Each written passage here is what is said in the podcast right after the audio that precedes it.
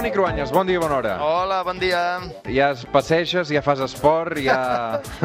Home, això de fer esport, la veritat, però no, com que, a veure, jo com que vaig a treballar cada dia físicament, ja, ja fa un temps que estic sortint bastant de casa. Entenc que la gent que esteu confinats literalment o teletreballant aquest cap de setmana, això és un alliberament brutal, no? Sí, i mira que no sóc de fer esport, però jo sóc dels que eh, em vestiré de runner ni que sigui una estona, eh?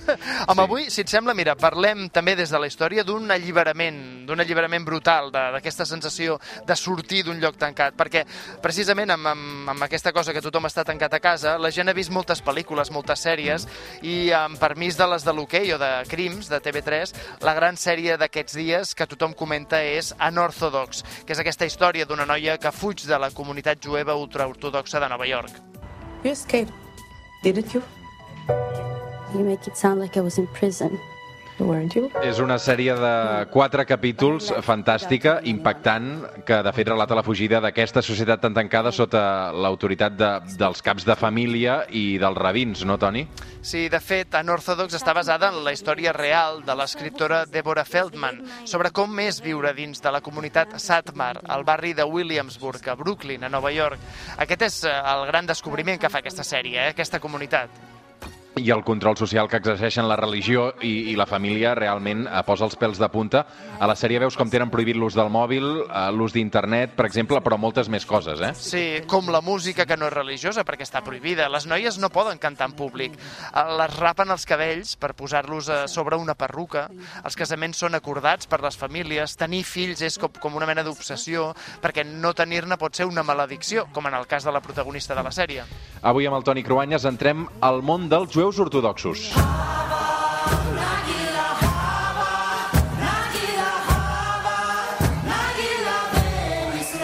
Aquesta música que sentim tradicional, de fet, és dels casaments jueus, ja sigui ortodoxos o no, eh? Sí, a veure, dels 13 milions de jueus que es calcula que hi ha al món en l'actualitat, es fa difícil quantificar-ne els que en diríem ortodoxos, perquè són comunitats gairebé estanques.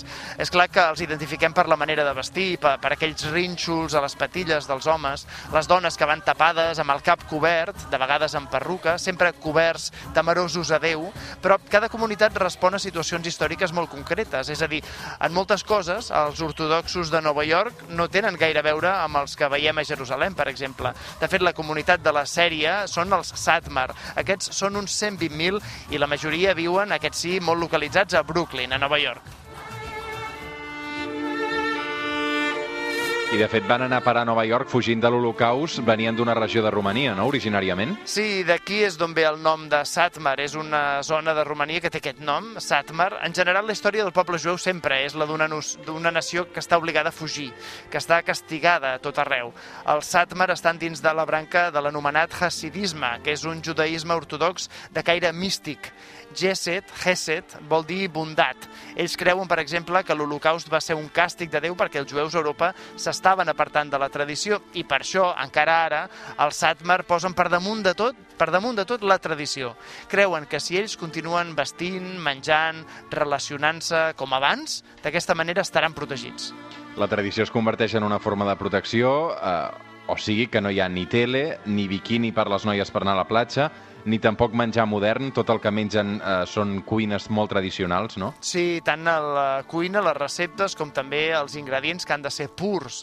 Eh, hi ha grans polèmiques allà on viuen els ortodoxos, justament per això, per la convivència amb la resta de gent que fa vida normal, perquè ells segueixen normes antigues, allò fil per randa, no? com en el tipus de menjar, eh, o no poder utilitzar electricitat en el Shabbat, el dia sagrat del descans, els dissabtes. Això es barreja amb un gran recel per la gent que no són d'aquesta comunitat.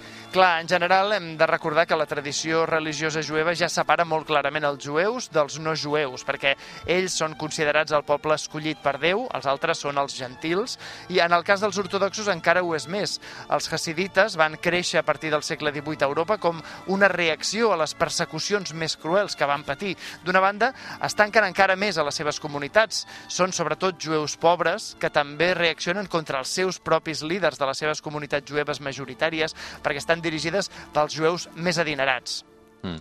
O sigui que els ortodoxos neixen com a reacció als líders jueus per considerar-los massa elitistes. Sí, els hasidites desobeeixen els rabins tradicionals, volen llegir ells mateixos la Torà, seguir la Càbala i sobretot segueixen l'aplicació de la llei santa a través de la Halajà.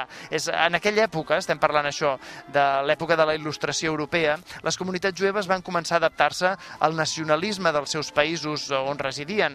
Finalment van adoptar eh, definitivament com la seva pròpia pàtria doncs, Alemanya, Romania, ara dèiem, Bielorússia. Per això els grups ortodoxos com el Satmar, en el fons, són contraris a l'estat d'Israel. Són antisionistes perquè, de fet, creuen que és una interpretació errònia de la llei sagrada i que, de fet, això és el que impedeix l'arribada del Messies. I encara més, no parlen hebreu, que és la llengua oficial d'Israel, sinó yiddish, que és la llengua tradicional dels jueus d'Europa eh, durant l'època de l'edat mitjana.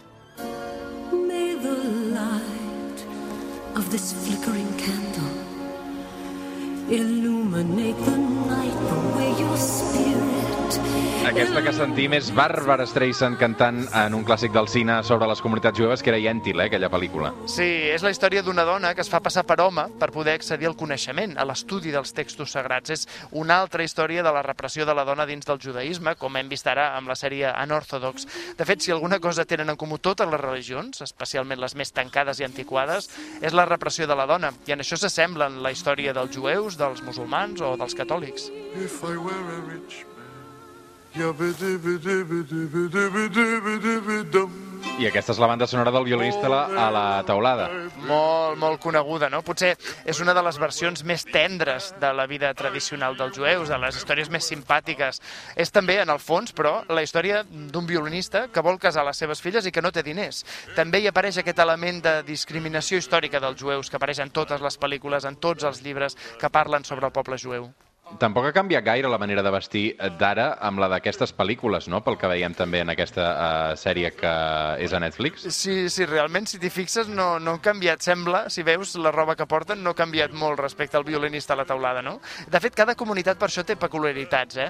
Però els homes ortodoxos continuen vestint barrets negres els dies de cada dia i els Satmar porten aquells enormes barrets com folrats, no?, d'una textura molt especial. Aquesta manera de viure la vida tan ancorada al passat vist també com els està convertint, per exemple, ara, en les principals víctimes del coronavirus. Aquesta setmana a Nova York, a la comunitat de Brooklyn, van haver de dispersar un funeral multitudinari d'un rabí que els van voler fer, com sempre, amb tots els homes de la comunitat agafats dels braços, cantant les seves cançons tradicionals, però allò molt apretats, no? L'alcalde de Nova York va haver d'enviar-hi la policia i, de fet, està, mate està passant el mateix al barri de Mea Sharim, de Jerusalem, allà on viuen els ortodoxos. No han complert les mesures higièniques de les autoritats polítiques d'Israel i per això ara mateix són els que més s'han contagiat. I destaquen eh, aquestes comunitats tan tradicionals en llocs tan moderns com Nova York o en el cas d'Israel, en un país eh, amb molt pocs casos de coronavirus i que en tants aspectes tecnològics estan tan avançats. I'm not your toy, not